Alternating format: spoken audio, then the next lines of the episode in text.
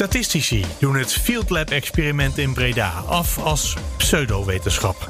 Bovendien wordt er een onnodig groot risico genomen door 10.000 mensen te laten komen, terwijl je voor de statistiek maar zo'n 1000 mensen nodig hebt. ABN AMRO heeft geschikt met het Openbaar Ministerie voor de jarenlange tekortkomingen bij de controle op witwassen. De bank betaalt 480 miljoen euro. Een boete van 300 miljoen euro plus 180 miljoen als compensatie voor kosten die de bank gemaakt had moeten hebben.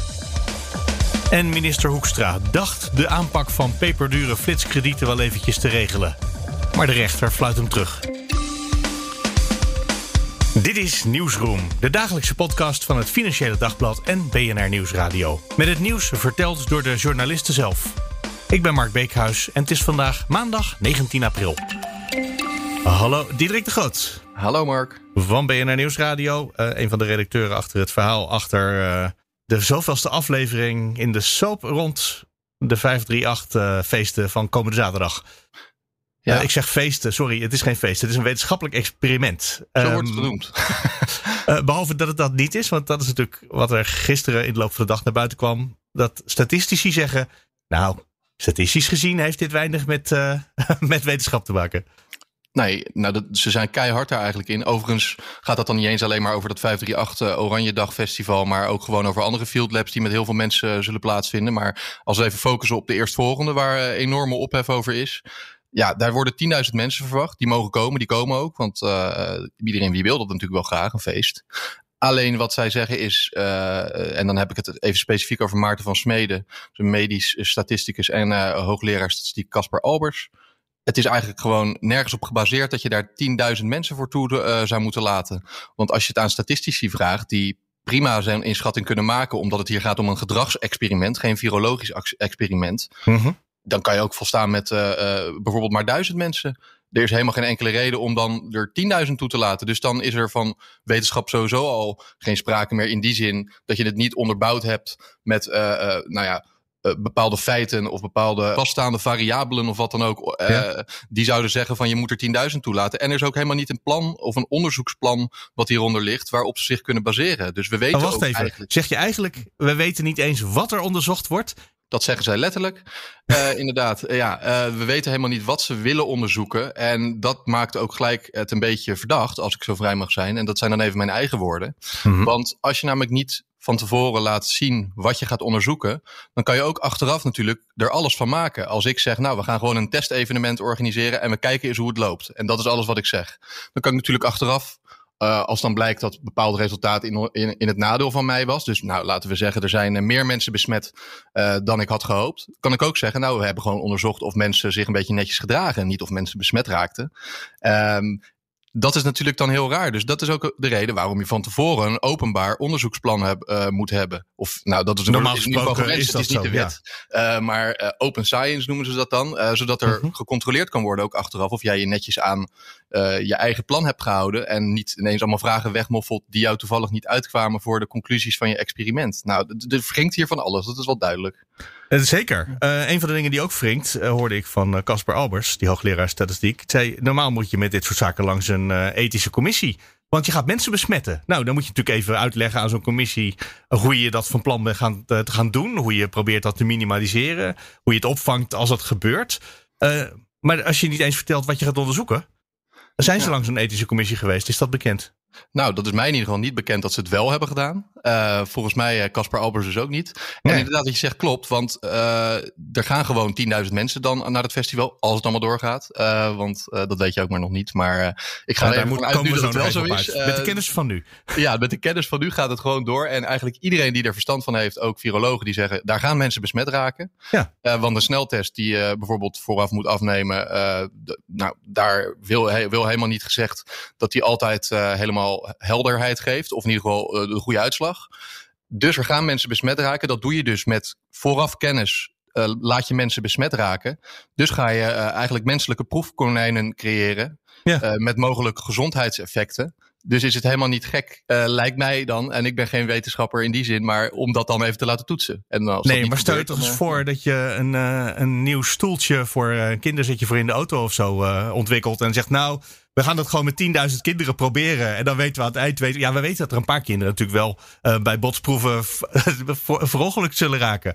Ja. Uh, dan ga je langs de aidscommissie en die zegt: Nou, dat vinden we wel veel, 10.000 kinderen. Kan het echt niet met minder.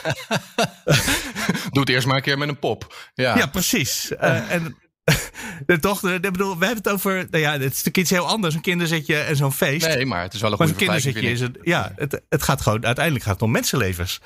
Absoluut. En uh, het wil helemaal niet zeggen dat iemand die besmet raakt. Dat, kijk, het zullen misschien geen 90-jarigen zijn die naar dit uh, evenement gaan. Maar het wil natuurlijk helemaal niet zeggen dat iemand van uh, een jaar of 30 niet heel ernstig ziek kan worden. Ja. Sterker nog, we weten dat dat wel zo, zo is of kan ja. gebeuren. dus eigenlijk is ook uh, dan in, die, in dat ligt de oproep van de mensen van het ziekenhuis in Breda, waar dat festival ongeveer om de hoek wordt gehouden, begrijp ik. Ja. Uh, helemaal niet zo gek. En hun petitie, die uh, op het moment van deze opname, geloof ik, meer dan 300.000 keer is ondertekend. Meer dan het aantal inwoners ja. van Breda. aan het eind van de dag waren het 300.000. Vanmorgen staan nog weer 10% bijgekomen, bijna. Dus het staat er bijna op 330.000.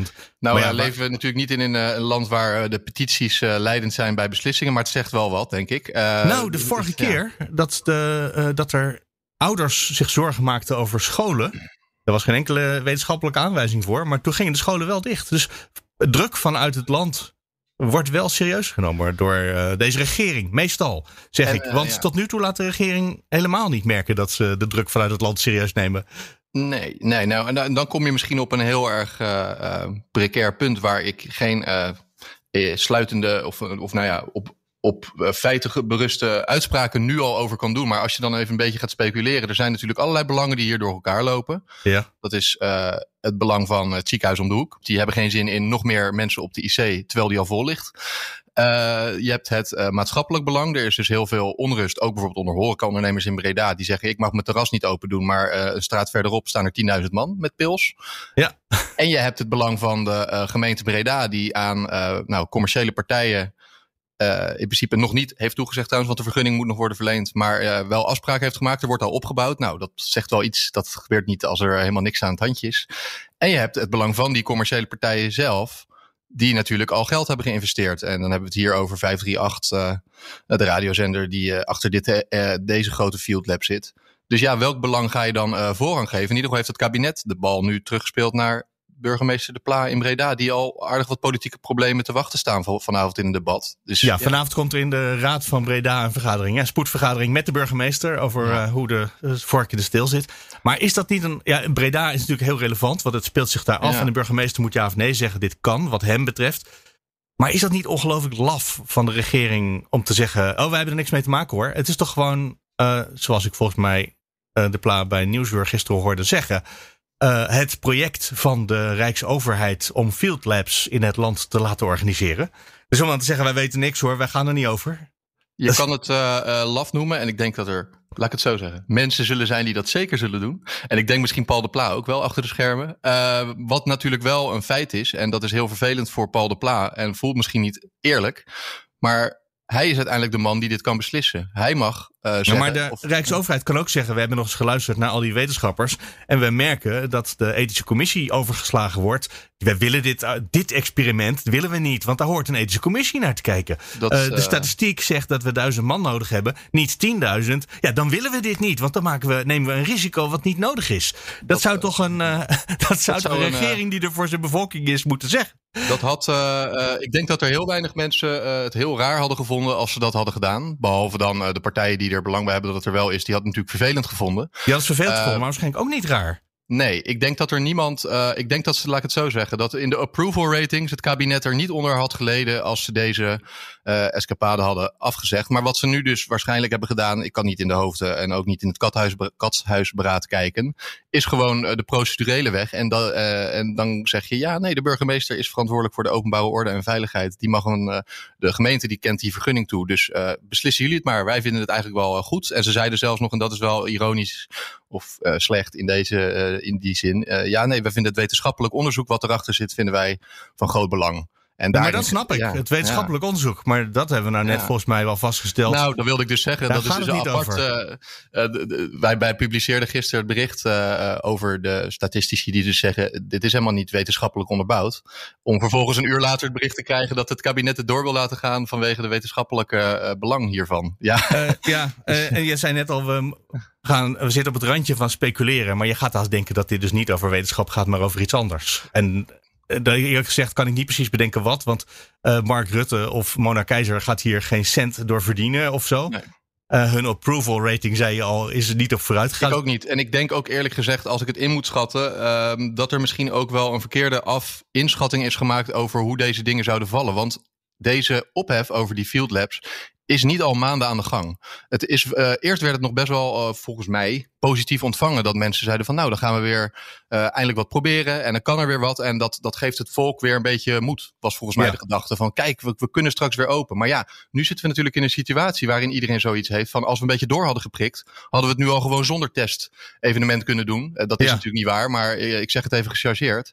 Dus is die moed is helemaal omgeslagen. We gaan naar een testsamenleving toe, terwijl we eigenlijk in de zomer gewoon klaar willen zijn. En helemaal niet willen testen als we naar een festival gaan. En dan komt er nu dus een, uh, een evenement overheen, terwijl het ziekenhuis nog vol ligt.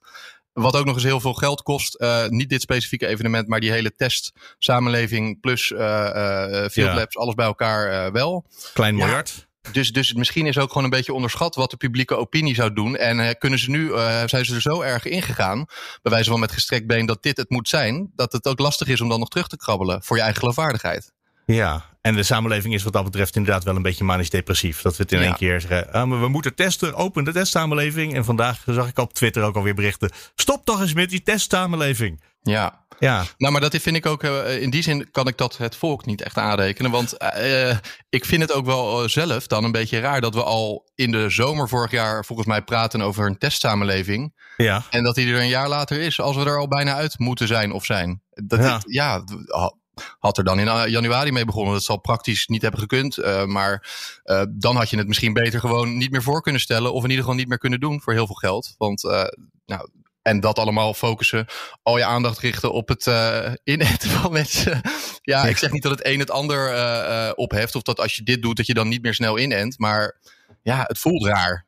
Diederik de Groot.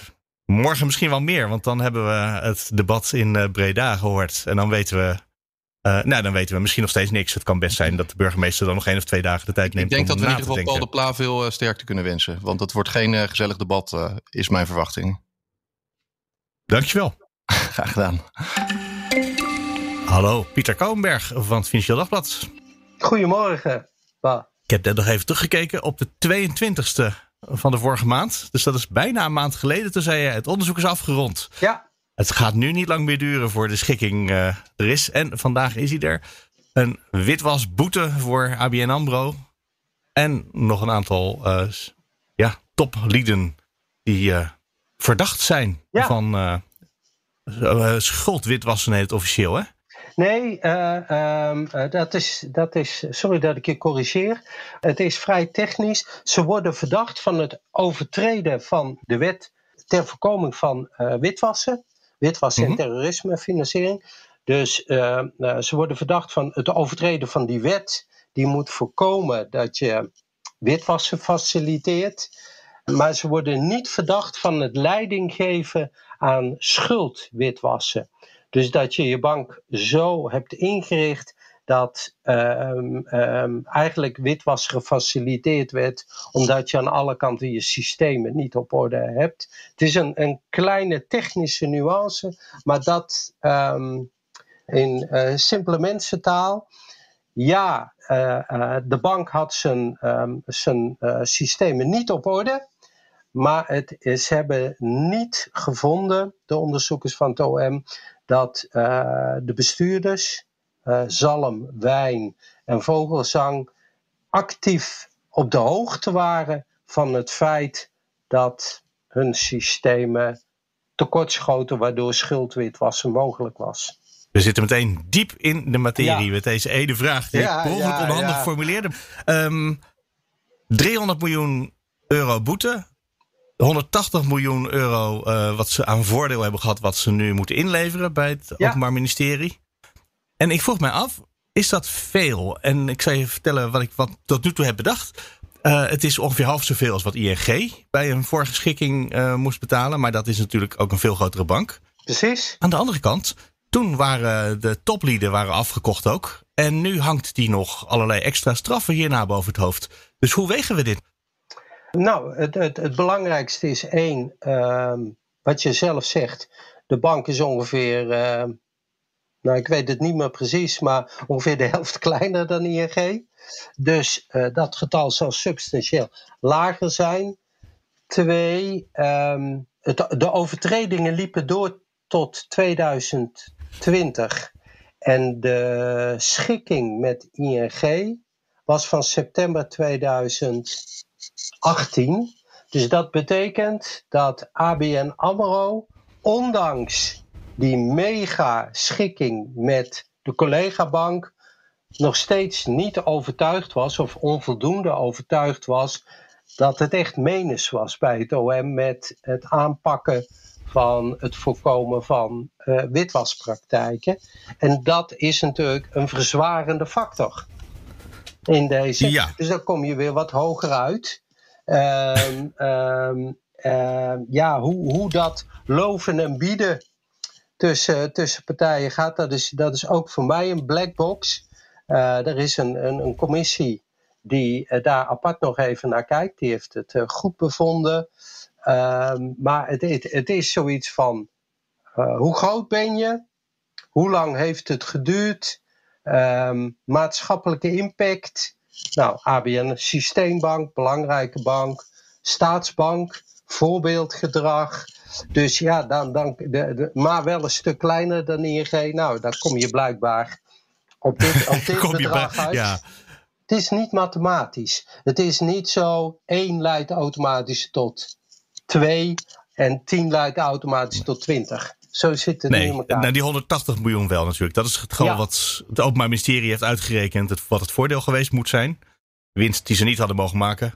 Dat is natuurlijk ook uh, um, uh, um, op de achterkant sigarendoosje. Want dat is ja. uiteindelijk het geld wat ze ongeveer hebben uitgespaard aan kosten om hun uh, systemen op orde te hebben. Ja, 30. het had ook 80 kunnen zijn. Zoals ik al zeg, het is toch een, een, een, een, een, een, een, een judgment call, laat ik het zo maar zeggen.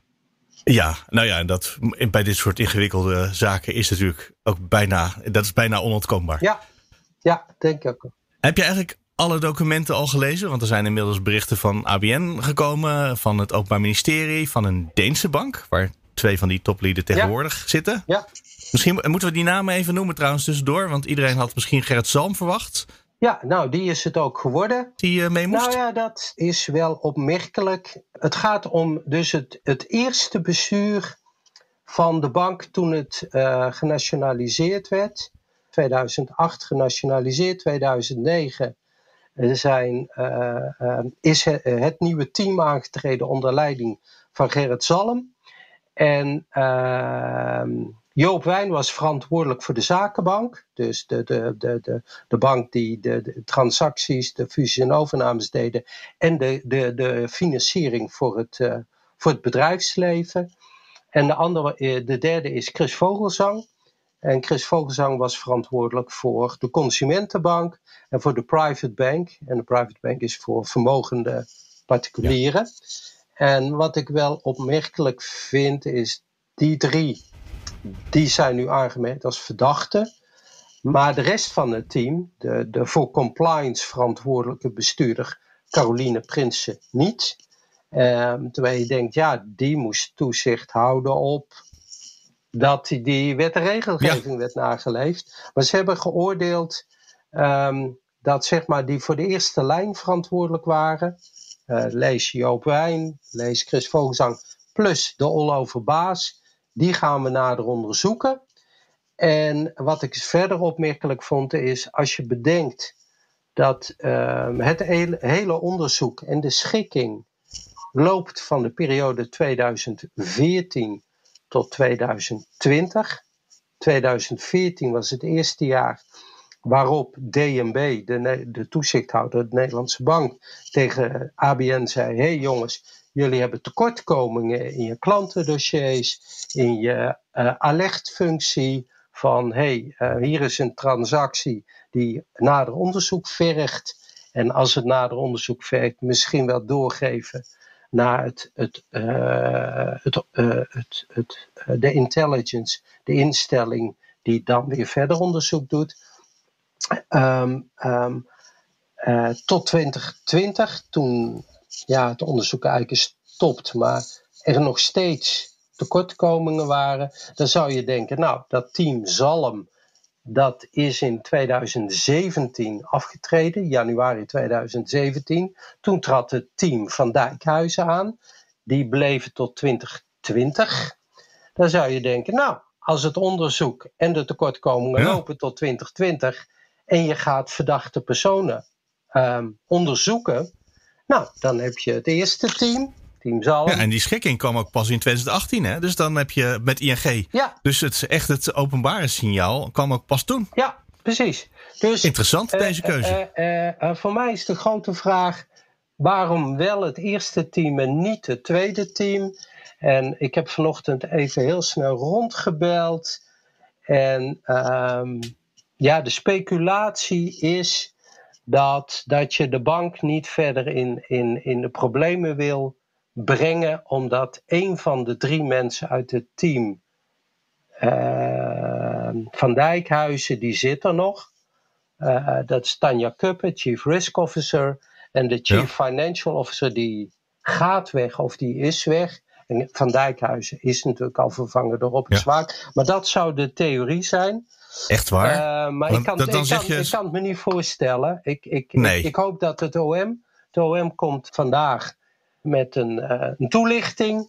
En ik hoop dat het OM kan uitleggen uh, waarom de eerste drie wel en um, um, het tweede team niet. Ja, want als je het inderdaad doet om een bedrijf overeind te houden, uh, dan zeg je nou, weet je, als u maar belangrijk genoeg bent, dan gaan we de misdaad niet vervolgen. Ja, nou ja, dat, dat, dat, zou een heel verkeerd signaal zijn. Het, het interessante is natuurlijk dat, dat we bij ING is er een schikking uh, gekomen waarbij uh, de OM heeft gezegd ze betalen 775 miljoen en we gaan geen individuen vervolgen en dat daar toen een maatschappelijke storm van kritiek uitbrak en dat ja. onze demissionaire minister van Financiën Wopke Hoekstra toen zei van uh, dit kan niet zonder een mensenoffer uh, gaan.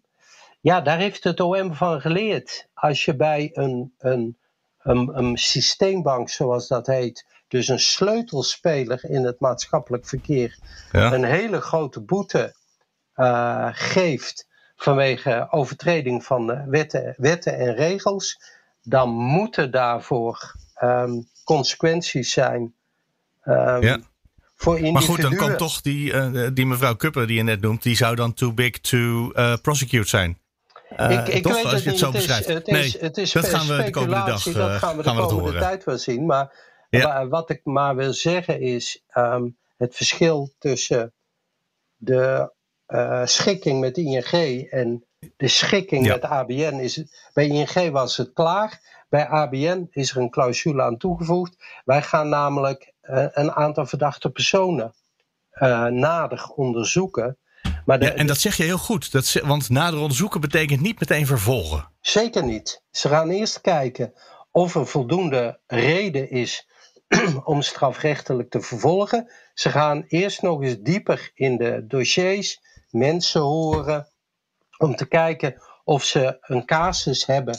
Dus dat is, dat is wezenlijk. En ehm, eh, ja, de vraag is of het gaat lukken, maar tegelijkertijd is de constatering nu dat twee mensen, ehm, eh, nou ja, hun carrière eigenlijk voorbij is.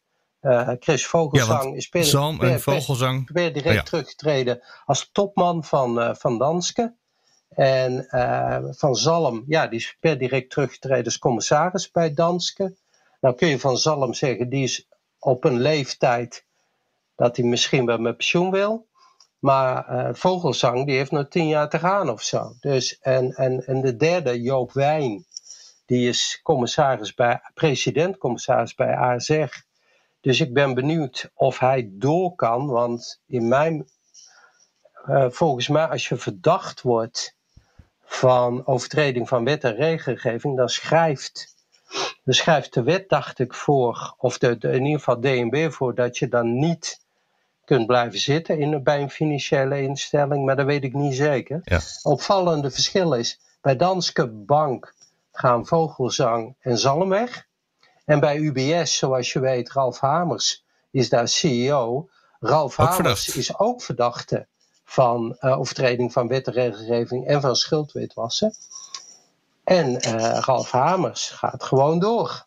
Hele andere bank, kennelijk. Kennelijk een hele andere bank die er ook op een andere manier naar kijken. Ik kan me herinneren dat de vorige keer, toen zei hij: Oh, ben blij dat het bijna klaar is. Dan kan ik weer andere leuke dingen gaan onderzoeken. Ja, maar er zit toch nog een heleboel vervolg aan nu met die drie uh, personen die nu op de korrel genomen worden. En wie weet wat dat zich nog weer uitwaaiert naar mensen op lagere niveaus. Ben je er echt vanaf? nee, ik ben er niet vanaf. nee, en het is uiteindelijk ook wel leuk. Ik bedoel, zo'n bank die, uh, die gaat gewoon, uh, die, die kruipt onder je huid. En je leest er alles over en je spreekt er mensen over. En dus uh, ja, deze bank is, uh, wordt onderdeel van mij. Heb je er eigenlijk een rekening? Of, uh... Ja. Pieter Kouwenberg, dankjewel. Met plezier. Fijne dag. Hallo, Pim Brasser van het Financieel Dagblad. Hallo. Je hebt vandaag de voorpagina van de krant voor je rekening genomen. Over uh, ja, best een tegenvaller voor, uh, ik wou zeggen minister Hoekstra, maar eigenlijk voor de meeste Nederlanders, denk ik. Eens? Ja, dat klopt. Ja, want um, peperduur flitskrediet kan gewoon aangeboden blijven worden op de Nederlandse markt. Um, en dat, dat gaat over buitenlandse aanbieders die uh, vragen zo'n 6 tot 10% kosten. Dat staat dan op de website. Uh, maar het probleem daarbij is dat je ook binnen vijf dagen moet je dan een garantstelling van iemand regelen. En als je dat niet doet, dan krijg je een boete die kan oplopen tot meer dan de helft van het leenbedrag. Uh, en op die manier oh. raken sommige Nederlanders in de schulden. ja, dat, leen, dat, bedrag wat je leent, dat gaat om een paar honderd euro. Maar dat wordt dan meteen dus anderhalf keer zoveel, plus de rente. En bovendien heb je dus die boete gekregen, die, ja, die moet je iets mee. Dus wat, wat doe je dan? Ga je, kan je dat dan waarschijnlijk lenen bij dat uh, flits, kredietbedrijf. Ja, ja want dit, dit gaat vaak om, om kwetsbare consumenten. Je moet je voorstellen dat het gaat ook vaak om mensen die al in de schulden zitten. Dus dan kun je je voorstellen dat er misschien een deurwaarder uh, voor de deur staat. Of dat je je huur net niet kan betalen aan het einde van de maand. En uh, je bent dan BKR geregistreerd. Je kan nergens terecht. En dan google je en dan is er nog maar één optie. En dat is uh, Verratum of het product van Verratum saldodipje.nl. Uh, ja. Daar gaat het hier om. Uh, maar ja, als je dan die garantstelling niet regelt, dan uh, kom je dus alleen maar dieper in de problemen. En dit gaat over honderden mensen per jaar die hier dieper ja. door in de problemen komen dan ze wilden? Nou, het gaat in ieder geval om tienduizenden Nederlanders per jaar die dit afsluiten. En een groot deel van hen komt in de problemen, ja. En in Nederland mag dit niet meer, hè? Nee, klopt. Nee, dit was zo'n zo'n tien jaar geleden was dit best wel een, een plaag. En toen heeft de overheid dus gezegd van oké, okay, nou ja, vanaf nu mag je nog maximaal uh, 14% kosten regelen, rekenen. inmiddels is dat 10% geworden vanwege de coronacrisis. maar toen is Verratum, die heeft toen gewoon gezegd van nou prima, dan gaan we in Liverpool zitten. En vanwege de brexit zijn ze nu naar Madrid verhuisd. En vanuit daar gaan ze gewoon door. En in Spanje zijn de maatregelen niet genomen die wij genomen hebben. Nee, nee, zeker niet. En, uh, en minister Hoekstra die heeft daarom een, een, regeling afgekondigd. En die heeft gezegd van nou, ik ga onze regels gewoon ook in, uh, in andere EU-landen afdwingen. dat is helemaal in strijd met, met de EU-richtlijn voor elektronische handel. Want die schrijft voor, nou ja, er moet een vrije markt zijn, dus je kunt niet zomaar je, je, je regels op, opdwingen aan andere landen. Maar daarvoor is een uitzondering en dat ligt erin dat als je consumenten beschermt, als het daarvoor noodzakelijk is, dan mag het wel. Dus daar hmm. beroept hmm. Hoekstra zich op. maar het nieuws is nu dat Verratum die heeft een waarschuwing gekregen van de autoriteit financiële markten. Uh, en die is toen meteen naar de rechter gestapt en die heeft gezegd van die regeling van Hoekstra, dat kan helemaal niet onder het Europese recht. En uh, Verraten heeft gelijk gekregen. Dus die uitzondering die Hoekstra gevonden dacht te hebben op de Europese regels, die is in dit geval niet van toepassing. Nee. Of, of zit het gewoon in de manier waarop ze hem toepassen? Want het kan natuurlijk ook juridisme, dat zit vaak in punten en komma's. Ja, ja het gaat erom, uh, die uitzondering die bestaat wel, maar het gaat erom, je mag alleen uh, dat toepassen op een specifieke aanbieder in een specifiek land. En dan ah, zou ja. je dus een regeling moeten schrijven tegen Verraten in Spanje. Maar Hoekstra die heeft gewoon gezegd: we gaan alle flitskrediet aan, uh, aanpakken in alle EU-landen. En uh, dat mag helemaal niet volgens de rechten. Weet je eigenlijk of het ministerie van Hoekstra nu inmiddels die uitzonderingsregel dan op die andere manier aan toepassen is? Of ze dan zeggen: nou, dan maken we die regel Europroof of Europa-proof en, en zeggen: nou, oké, voor verraad in Spanje. Ik denk het niet, want op dit moment is de AFM zich nog aan het beraden of ze in hoger beroep gaan uh, tegen de uitspraak. Uh, maar het, zou natuurlijk een optie kunnen zijn. Maar het, het probleem is natuurlijk wel dat Verratem, die is al twee keer verhuisd om uh, mazen in de wet op te zoeken. Dus ik kan me heel goed voorstellen dat ze heel makkelijk als Hoekstra zo'n regeling uh, maakt, dat ze dan gewoon naar Portugal gaan. Of, uh, of naar Frankrijk, net over de grens. Uh, en... Jawel, maar ze zijn inmiddels in het derde Europese land. We hebben er 27, dus ze kunnen nog maar beperkt aantal keren verhuizen. ja, nou ja, ik denk dat ze dit, op, op deze manier kunnen ze het nog wel een paar jaar rekken, denk ik. en de, ja, dat is waar. Het probleem is dat er gaat wat tijd in zitten hè, in zo'n regeling. Want je moet het ook voorleggen aan de Europese Commissie. Um, en je moet ook nog eerst de Spaanse overheid de kans geven om zelf maatregelen te nemen. Dus uh, dat is niet iets wat je zomaar even in een weekje of in een maandje doet. Ah, het is niet zo dat ze een nieuw uh, kantoor in uh, Italië openen. Dat je dan meteen op dezelfde dag zegt: Italië kan ook niet. nee, helaas. Dan moet je eerst een brief sturen naar Italië en zeggen: Hallo daar, willen jullie dit voor ons regelen? En dan zegt Italië na een jaar: ah, dat doen we niet. En dan mogen we. Ja, ik ben bang dat het zo zit, ja. Ja, en dan duurt het nog wel 25 jaar voordat we hier doorheen zijn. Ja, inderdaad. Zo'n beetje. Wordt vervolgd, denk ik. Dat denk ik. Ik weet nog niet precies op welke wijze. Kan jij daar iets over zeggen? Welke richting het hierna uitgaat? Welke stappen? Naar hoger beroep, zei je. Dat zit eraan te komen. Ja, nou ja, wat, wat wel zo is, uh, Hoekstra, die, nou ja, de, in principe de termijn van Hoekstra is natuurlijk bijna af. Maar uh, Hoekstra die heeft het wel tot een van zijn speerpunten uh, van, van, zijn, van zijn financiële beleid gemaakt. Omdat nou ja, het is gewoon heel belangrijk. Uh, schulden zijn ook best wel een probleem. Hè? Ik geloof dat meer dan 8% van de Nederlandse huishoudens uh, die, die heeft problematische schulden. Dus ik kan me voorstellen dat er, uh, dat er een vervolgstap komt. Maar ja, het, het, wordt wel lastig. En ik weet niet precies wat, wat die vervolgstap in zal houden.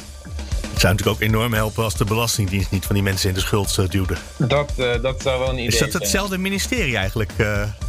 dat zeg ik nu ineens. Fijn. Uh, het heeft er niks mee te maken, maar ik moest er ineens aan denken. Nee, ja, het zou een mooie eerste stap zijn. Tim Brasser, dankjewel. Alsjeblieft. Dat was hem voor vandaag. Als je wil reageren, mail dan naar nieuwsroom.bnr.nl of nieuwsroom.fd.nl. Dan zijn we er morgen weer. Graag tot dan.